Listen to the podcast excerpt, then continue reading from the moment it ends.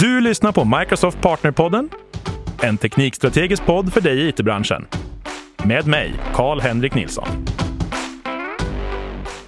Hej och välkommen! Idag talar vi återigen med Chris Klugg.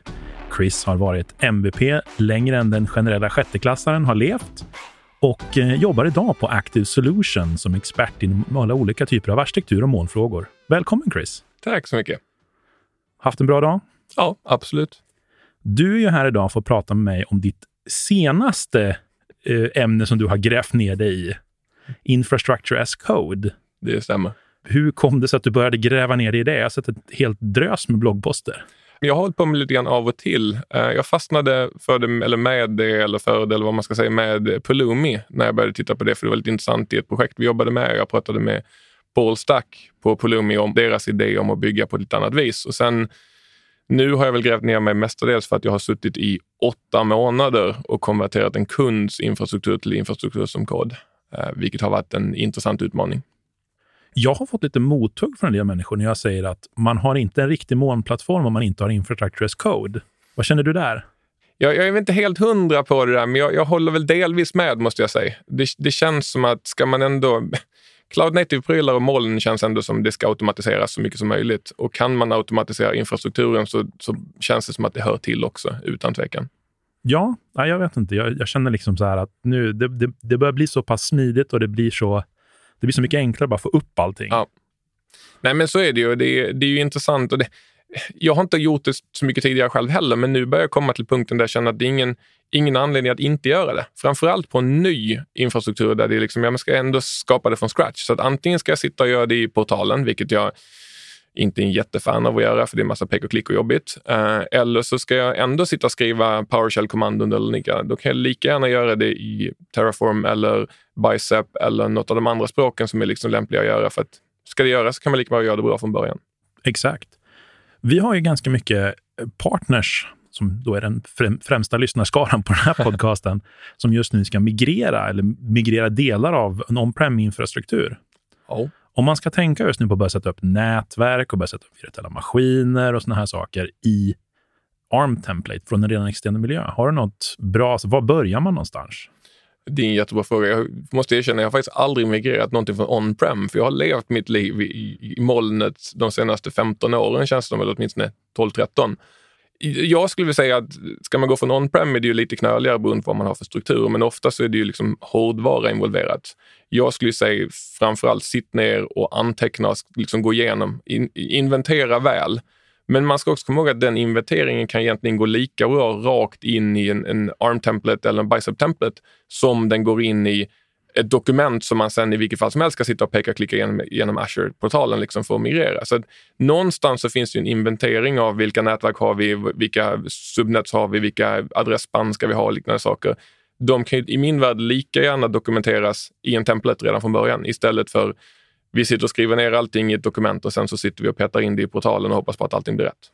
Ja, men precis.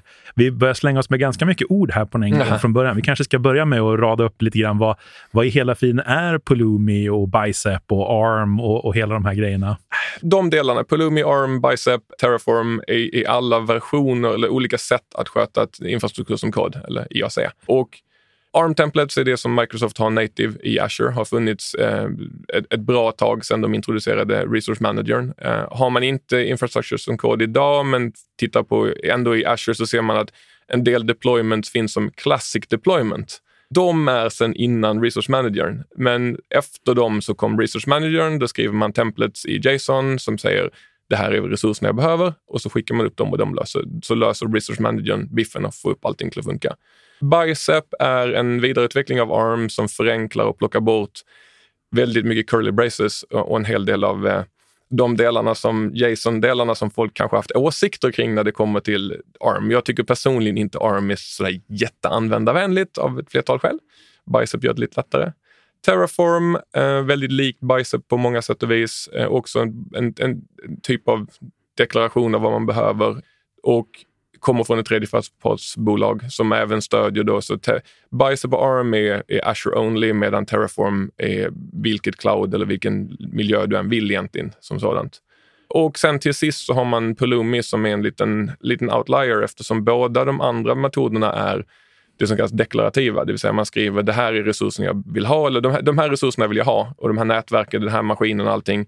Det här är vad jag behöver och så skickar man upp det till Azure och så säger man i, i en speciell domain specific language som, som funkar för det och så, så bygger Azure upp allting och så finns allting. Pulumi gör samma sak fast med programmering istället. Så man använder um, typ TypeScript eller C-sharp eller Python eller liknande att skriva ett litet program som genererar den här deklarativa filen som säger det här är resursen jag behöver. Och både Terraform och Pulumi använder inte ARM. De bygger istället på idén att anropa eh, webb-API som finns bakom istället, medan ARM har liksom en native version istället. Bra sammanfattat.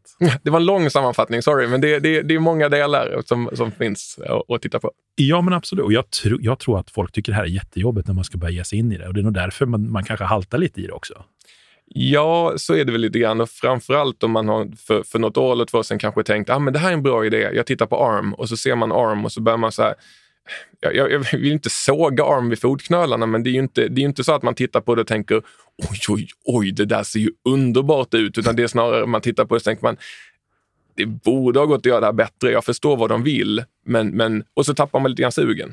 Ja, alltså jag skriver ju ARM templates native, liksom. men mm. det har väl kanske att göra med var jag jobbar och, och vad jag har blivit utsatt för som barn, höll jag på att säga. men eh, vad heter det?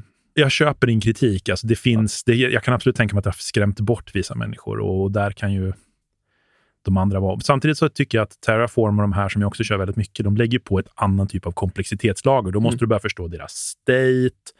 Och, och, det är samtidigt en väldigt härlig del med att du har just då staten och möjligheten att exponera variabler och få ut information och såna här ja, grejer. Precis, det är ju nice som sådant. Du säger de lägger ett eget, eget lager ovanpå med lite extra prylar som man måste lära sig det finns för mig ett, ett, ett det, det, man behöver lära sig ARM också, så det är liksom, man behöver lära sig någonting i vilket fall som helst. Det jag inte, om jag nu ska vara negativ mot Terraform, som jag har suttit med i åtta månader hittills um, och, och, bara hela dagarna jobbat med, är ju faktiskt det faktum att det bygger på API-erna med ett mellanlager till. Så de bygger på Azures eh, webb api eh, men sen ovanpå det så tar de en dependency på Go-implementationen av SDK. Och sen efter Go-teamet har implementerat, eller Go SDK har implementerat en ny feature så ska man Terraform implementera sin feature. Så att feature som kommer nya i Azure, vilket ju händer rätt ofta, liksom, tar gärna rätt lång tid innan de trillar in i Terraform. Så att det finns ett steg emellan. Så det, mm. det finns, ja, du behöver lära dig state-hantering, du behöver lära dig vänta på att de sakerna du vill ha finns i Terraform. Du behöver, och, och det är samma sak med Pulumi om jag ska vara ärlig. Det är, eller sorry, det är det inte riktigt. Pulumi har state-hantering men har inte riktigt samma problem med API-erna. Men där tycker jag ju då, om jag nu ska vara sån, Bicep som ju då är efterföljaren till ARM, känns som att det är en ganska bra medelväg. För du får native-funktionerna, du får ARM, 100% parity och funktionellt med ARM, men utan allt det komplexa. Ska jag tolka det som att du säger att om man inte har börjat med Infrastructure as Code än, man bara kör Azure, då är det Bicep man ska välja? Jag skulle luta åt antingen Bicep eller Pulumi i min värld. Uh, Bicep har ju som sagt var fördelen, det är native, lätt att komma igång med, väl dokumenterat. Pulumi, lätt att komma igång med, väl dokumenterat, inte jättekomplicerat. Fördelen för det är att jag kan få lov att använda min TypeScript-erfarenhet. Så jag kan liksom göra mer. Jag kan skriva kod på ett annat vis än jag kan i, i Bicep uh, och byg, bygga fler prylar liksom för att jag utvecklar det. Mm. Sen ska man väl också komma ihåg då att man måste ju faktiskt betala pengar för Pulumi, så det kan väl också vara... Intressant faktiskt. Nej. Det är ju, om du vill använda Pulumi Enterprise så måste man betala för deras state-hantering. Men du kan även lagra din state-fil precis som i Terra, äh, Terraform i, i, bara en blob storage. Okay. Så det, och, eller lokalt eller på din byggserver eller vad du nu vill ha. Men det är egentligen bara en, en JSON-blobba som innehåller allting. Så det går att köra den, den gratis också. Sen får man extra benefits av Enterprise-versionen med rättighetshantering av olika stackar och det ena med det andra. Men, men det är faktiskt gratis också. Men det är oerhört bra att veta faktiskt. Och då kan mm. det ju kanske mer vara beroende på, som du säger, om man har var, var ens utvecklingskompetens ligger egentligen, om vilket språk som lämpar sig bäst. Precis, så är det ju. Om man är, jag tror att utvecklare gillar Pulumi jättemycket, för det är liksom, ja, men jag kan få ta min programmeringsvana och det, det är inte knöligt att göra en loop eller en if-sats eller något liknande. Medan har man en IT-Pro-bakgrund så är, tycker man kanske Bicep eller till och med ARM potentiellt känns mer naturligt, för det, det är deklarativt. Jag behöver inte koda på samma vis som jag gör liksom i de andra delarna. Nej, och jag kan tänka mig också att man kanske tycker att det är ganska skönt om man ska göra, man säger, om man går på en migreringstanke, då, att jag har 30 maskiner idag, jag ska sätta upp 30 maskiner med kanske ganska specifika konfigurationer. Då kan det vara ganska skönt att få deklarera dem och liksom känna, okay, idag ska jag göra de här åtta maskinerna, imorgon ska jag göra de här åtta maskinerna och så jobbar man på. Liksom. Precis, eh, och det är ju lite annorlunda. Sen finns det en del till. Det, det går att göra det i, i Pulumi också till exempel. Det är bara det att som utvecklas så blir det helt plötsligt, oh men det här kan jag refaktorisera till någonting bättre och det här kan jag förbättra och försnygga och allting. Och det, det kan ta rätt mycket tid. Men ja, absolut. Det, den deklarativa modellen känns ju ganska naturlig. Ja, men jag har en fil här, i den har jag gjort de här delarna. Här finns en annan fil, här har jag gjort några delar. Det är liksom ganska lätt att läsa och lätt förstå. Mm.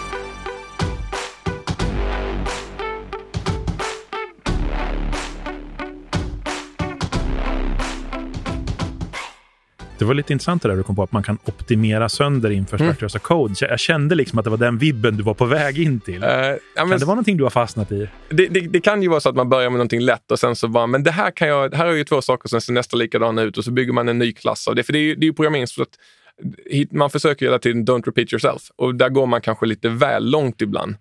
Ska jag vara helt ärlig så gör vi samma sak i Terraform också och jag tror jag hade nog hamnat med kanske samma sak i Bicep också om jag satt där och jobbade. Det är kanske en utvecklarådra mer än eh, fel på tekniken. Ja, men det kan jag också tänka mig. Jag, jag ser en hel del människor som, som fastnar i det. Men om vi, om vi tänker då, okej, okay, vi har, vi har infrastructure as code och vi har de här olika typerna av plattformarna man kan använda för att bygga upp infrastructure code. Men om vi tänker då liksom, och nu är det ju tråkigt då, som att både du och jag tycker att det är en självklarhet att använda det här, men ska vi försöka redogöra varför det är en självklarhet att använda infrastructure as a code? Men för mig så finns det ju framförallt den här delen att det, det, det är källkodshanterat. Jag vet att det låter jäkligt osexigt och tråkigt, men, men den här grejen att det finns i källkodshanteringen, vilket innebär att det går att kolla vem har gjort ändringar, vilka ändringar har gjorts, vad hände i förra versionen när vi releasade vår nya mjukvara, Eh, vi kan rulla tillbaka och konstatera att det här funkar inte, vi måste rulla tillbaka och ta en gammal version av vår infrastruktur. Det är en del. Den andra delen är eh, feature-miljö till exempel. Eller ja, det faktum att, okej, okay, först och främst så har vi oftast väldigt många miljöer, eller inte väldigt många, men vi har en, vi har en dev-miljö, vi har en QA-miljö, vi har en testmiljö, vi har en produktionsmiljö, vi har en lasttestmiljö, vi har liksom olika miljöer som vi använder vid utveckling med infrastruktur som kod så är det, ja, men det är ju piece och kaka. Då kör man ju bara den med lite ny config. Så eh, den här ska vara en prodmiljö, den här ska vara en devmiljö. Så, så har man två miljöer. Det kan man ju sen spinna ytterligare vidare och säga, ah, men vi jobbar med feature branches i vår, vår Git. Liksom. Det hade varit rätt nice om varje feature branch fick en egen miljö där vi kan testa allting också så att man inte sitter och jobbar på bara dev-maskinen lokalt och sen måste man mergea in den till testmiljön för att man ska kunna se den. Utan, nej, men här finns en, en feature branch eller kanske till och med en PR-branch. Jag gör en pull request. Ja, men då får jag upp en ny miljö för pull requesten så att det, den som kollar på koden även kan verifiera att allting faktiskt funkar. Det är väl de delarna jag ser som positiva. Sen har du ju, det finns en säkerhetsaspekt i det. Alla miljöerna ser, ser likadana ut eh, och man genererar kanske lösenorden i infrastrukturuppsättningen så att ingen ens behöver se lösenorden vid något tillfälle in i saker och ting och så vidare. Så det, det, det, finns rätt många olika aspekter som är, som är nice. Liksom. Så tycker du, du, du hittar nog de som jag själv tycker är viktigast. Där. Framförallt det här med att jag har mjukvaruversion A1 alfa liksom, och då kan jag ta också den virtuella infrastrukturen A1 alfa och de vet jag ja. passar ihop. Yes, och det, det är ju schysst. Det, jag tycker det är värt väldigt, väldigt mycket.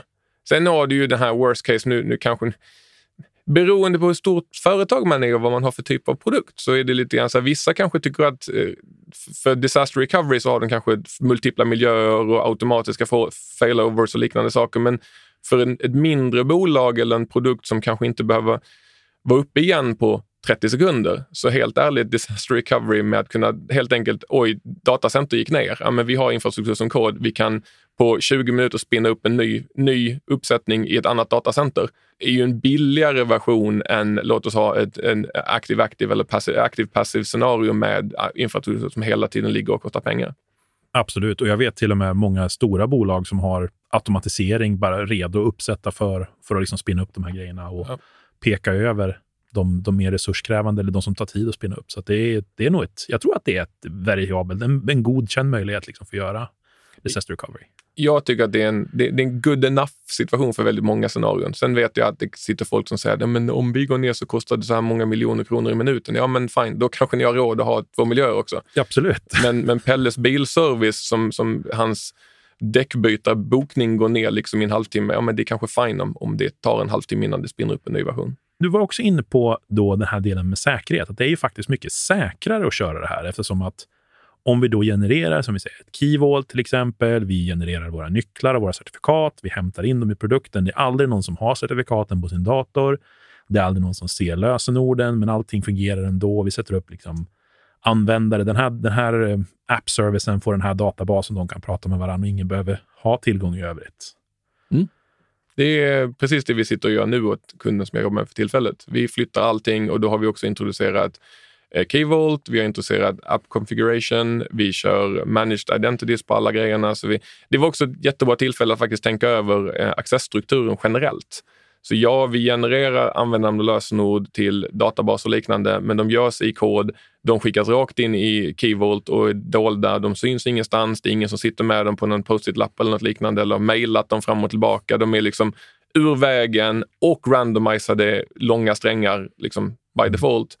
Sen managed identities ovanpå det, vilket är nice att sätta upp med eh, infrastructure code också. Jag tänkte precis säga det. Det är ju inte bara att man slipper ha lösenord och en säkerhet, utan det är faktiskt ganska skönt. Därför mm. att man, man gör ju automatiskt annan tooling.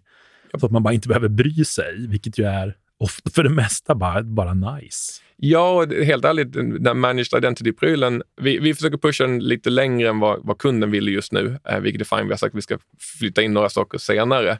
Men en ganska intressant detalj där är att det är struligt att managera connection-strängar och liknande saker i kod och framförallt i, i liksom infrastrukturkod. Att ah, men, oj, nu behöver jag access till den här databasen, nu behöver jag credentials som ska in och liknande saker och det ska då bindas ihop med deployment pipelines och liknande.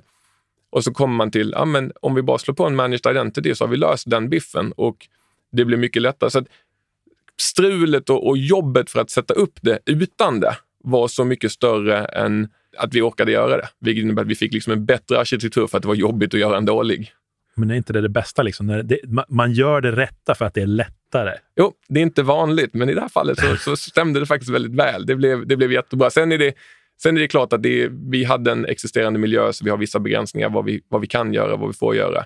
I en, i en ny Greenfield-applikation så då, då är det kanske inte lika jobbigt, men det känns som att infrastruktur som kod pushar en även där i liksom ett nytt steg framåt. Och det är, man bara följer med flow. Liksom. Ja, men det här är jättebra, det här är lätt att sätta upp, nu kör vi.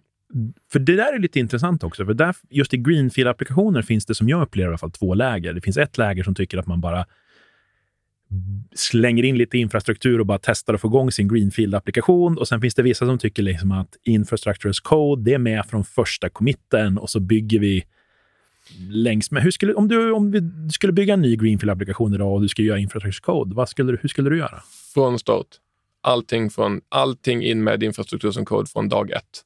Som jag sa, jag, jag ser ingen anledning till att inte sätta upp det. Visst, det tar om man väljer att, att även deploya det automatiskt vid varje applikationsdeployment och liknande saker. Det tar en liten stund att få deployment-pipelinesen att köra dag ett, liksom. absolut. Men sen längs med vägen så är det jättelätt att bara lägga till saker i sin infrastruktur. Det är som sagt var källkoncentrerat, man vet vem som har gjort vad. Och sen är det jäkligt mycket lättare att sätta upp den lite organiskt längs med tiden. Börja lite och sen så, men nu har vi en webbapp. Ja, den funkade jättebra. Oj, nu behöver vi en databas. lägger vi till den. Oj, det funkade också. Oj, nu behöver vi det här. Nu lägger vi till det. Oj, det funkade också. Än att hej, vi pekar och klickar i portalen, slänger upp lite saker och sen så, åh, nu funkar allting. Kan någon sätta sig ner och få det här konverterat till infrastruktur? Vilket är det jag gör idag, eh, dagarna i ända. Och det, det går, men det har tagit väldigt lång tid och det är mycket små settings man missar. Det är man sätter upp en servicebuss och på den finns det en topic och på den topicen finns en subscription och på den subscriptionen finns ett filter. Det kan jag säga det är väldigt lätt att missa filtret av erfarenhet kanske. Och Det där är ju jätteintressant som du säger och det är ett jättebra argument för att man bygger upp det från första början. Jag har också hört människor som säger att det går inte att bygga upp eh, nätverk med infra as a code och det tror jag också kommer ifrån det här. Det går mm. säkert jättebra, men att komma ihåg alla individuella regler, alla network security groups, alla portar man har öppnat och fixat med i efterhand kan bli lite tungt. Japp. Och det kan jag säga, alla de som säger att det inte går att göra VNet-prylar och nätverksgrejer i infrastruktur som kod, det kan jag säga att det är strunt, struntsnack. Vi, vi gör det i dagsläget. Alla våra nätverkssetups, allting är klara. Vi har av olika skäl gör vi det inte i dagsläget, men lösningen var helt konfigurerad med private endpoints och, nätverkssäkerhet hela vägen igenom och det funkar alldeles utmärkt i, eh, gör det som med, i vårt fall Terraform, men det funkar lika bra i alla plattformarna. Ja, precis. Många av våra partners använder ju olika plattformar. Jag har inte sett på någon plattform som inte klarar av att göra infrastruktur. Det är Nej. bara olika sätt att göra det på. Ja, så är det. Det är intressant för Azure där, om jag nu ska det finns vissa saker i Azure som bara går att göra med, med API, men det finns även saker som faktiskt bara går att göra med ARM som man inte ens kan göra i portalen och liknande saker. Så det är rätt kul att gå till infrastruktursidan och, och, titta på och skriva det som kod där man inser att men vänta, den här featuren finns inte ens tillgänglig för mig att titta på på något annat vis än via CLI eller via, via ARM templates. Uh, och det ska man inte underskatta att det finns bra stöd för allt på ARM-sidan. Nej, men precis. Jag skulle vi gå tillbaka till vår för, förra diskussion när vi pratade Kubernetes. Då, om man börjar sätta upp saker med ARM så upptäcker man ju att det finns en hel del grejer man kan skruva på. Ja, det gör det. Och jag brukar säga det när vi har haft en diskussion väldigt nyligen med en kund angående ARM eller, eller annan, köra annan PAS-tjänst. Eh, eller förlåt, Kubernetes eller annan PAS-tjänst. Och eh, jag sa det också att den här Next Next Finish i portalen för att sätta upp ett Kubernetes-kluster är väldigt, väldigt lätt. Också väldigt ofta väldigt, väldigt fel det är lätt att komma igång med att sätta igång. Men som du säger, när man börjar se hur det ser ut i en ARM-templet så inser man att det är väldigt många små knappar man kan vrida på, skruva på och ändra på för att, för att Kubernetes ska funka i molnet. Precis. Och, och egentligen, alltså, tänker man, det, här är ju också resurshanteraren. Det här är ju, det, det är ju next, nästa steg i The Matrix, liksom, när man börjar skruva på mer grejer. Ja, så är det. Jag ser att vi börjar snacka ganska länge här, så att jag, jag tänkte att vi skulle runda av här med en, en liten fråga om dina för det är säkert jättemånga som nu bara hört att oj, herregud, Chris måste säga att jag måste börja med infrastructure code. Så då tänkte jag så här, vad är dina tre bästa så här gotchas? Vad är det man verkligen ska komma ihåg och tänka på när man börjar hålla på med det här? Um, oj. Eller för den delen om man håller på med det här och tycker att det är jobbigt. Uh, nej, men det, det är ju, framförallt så tror jag lär, lär titta in lite grann och lära sig hur ens verktyg funkar oavsett verktyg man väljer, oavsett om det är ARM, Bicep, Pulumi, Terraform eller något annat, lär er verktyget. Det, det är min första, för det är ofta får man väldigt mycket hjälp. Och oftast, jag har själv slitit mot att saker och ting inte funkar och sen så, aha, men vänta, hade jag förstått hur verktyget funkar så hade det varit lite lättare. Det är väl den första. Nummer två, Tänk efter framförallt på säkerhetssidan. Eh, det är lätt att logga ut saker eller outputta credentials och grejer. jag ska bara skicka ut den här lösenordet så att jag ser att det, det funkar jätteläskiga prylar att göra, för de hamnar sen i gamla loggar och sen så finns de med. Och sen den sista, jo men det, det är också säkerhet faktiskt. Jag har konstigt mycket säkerhet här. Men skicka inte in credentials i er, i er källkod. Alltså lägg inte till era credentials till, till olika tredjepartstjänster i source control. Det är jättelätt att man säger, ah, men jag ska sätta upp de här prylarna i Keyvolt eller jag ska lägga, det här behöver vara en del av min någon config någonstans. Så jag checkar, lägger det som en del av min infrastruktur också. Precis som med vanlig, vanlig kod, checka inte in credentials, checka inte in saker som inte ska finnas där. Och även om ni tar bort filerna i efterhand så har Git alltid en logg. Och detsamma gäller era deployments. Kör ni dem som output så finns de kvar i loggen och så kan folk gå och hämta saker. Just med Git ska man komma ihåg också att även om man kommer på det efter några veckor och går in så är det ju faktiskt ett decentraliserat versionshanteringssystem. Yep. Så att de där loggarna kan ligga kvar på många ställen. Precis. Så att det, ja, var försiktig där och där har vi varit väldigt, väldigt noggranna. Vi har haft lite diskussion om hur vi löser det lättast och så här. Och det, är inte, det är lite struligt. Vi har hamnat i scenarion med att vi måste dokumentera ett visst antal prylar som måste manuellt läggas in i Keyvolt innan vissa deployments funkar. Men det går tyvärr inte riktigt att komma ifrån i alla scenarier. Nej, men det finns ju alltid undantag. Liksom. Yep. Jag tror även att skulle jag säga en sån här grej så måste du också börja med infrastructure code. För även om man måste nu ta bort en grej och lägga tillbaka en grej om man tittar på portalen, Mm. Men gör inte det, då, utan om du nu håller på så, börja bygga ditt skript för de här grejerna och, och skapa den här uppsättningen. Även om du beslutar med att du har ett skript för din databas, för dina maskiner, för dina grejer. Liksom, det är ju bättre att man börjar ha dem så, så att man kan spinna upp dem. För sen kan man ju koppla ihop dem med ett skript eller hur man nu gör det, men det är ju ändå ja, men vad säger man, gräv där du står. Liksom. Ja, men det, det håller jag med om. Jag har, eh, jag, som, du, som du sa i början, där jag, har, jag har bloggat en del. Så min senaste, jag håller på med bloggserie om just infrastruktur som kod. Och jag börjar med lite udda scenarier, för jag börjar faktiskt med Azure CLI. Det går att göra rätt bra infrastruktur som kod med Azure CLI också. Om man inte känner sig bekväm med att gå till ARM eller något liknande, man är kanske IT-pro som hållit på med PowerShell i hundra år och kan allting utan till. Hoppa på PowerShell-modulerna eller ta in Azure CLI men mycket av instruktionen, går, eller allt går att spinna upp där och det går att skriva skript där också, vilket för mig är Det är inte optimalt på något vis, men det är ett steg åt rätt håll och det är en bra början. Och dessutom är det, sitter man hemma och labbar, bara man sitter och testar någonting, prova, prova skapa saker via C-Elite åtminstone istället för att gå till portalen. Jag har alltid älskat portalen. Jag har skrivit en massa tweets om alla gränssnitt som inte, eller alla, alla lösningar som inte har grafiska gränssnitt är helt värdelösa och dumma i huvudet. Nu spenderar jag i princip hela mina dagar i, i Visual Studio Code och eh, VSL och eh, terminalen och konstaterar att terminalen är bra grejer. Har du blivit gammal? Jag väljer inte att svara på den frågan. jo, så är det nog tyvärr. Jättestort tack för att du tog dig tid att komma hit idag, Chris. Tack, tack själv för att jag fick komma. Det var jätteroligt, precis som vanligt. Du har lyssnat på Microsoft Partnerpodden med mig, Karl-Henrik Nilsson. Som vanligt hittar du information och resurser på aka.ms partnerpodden.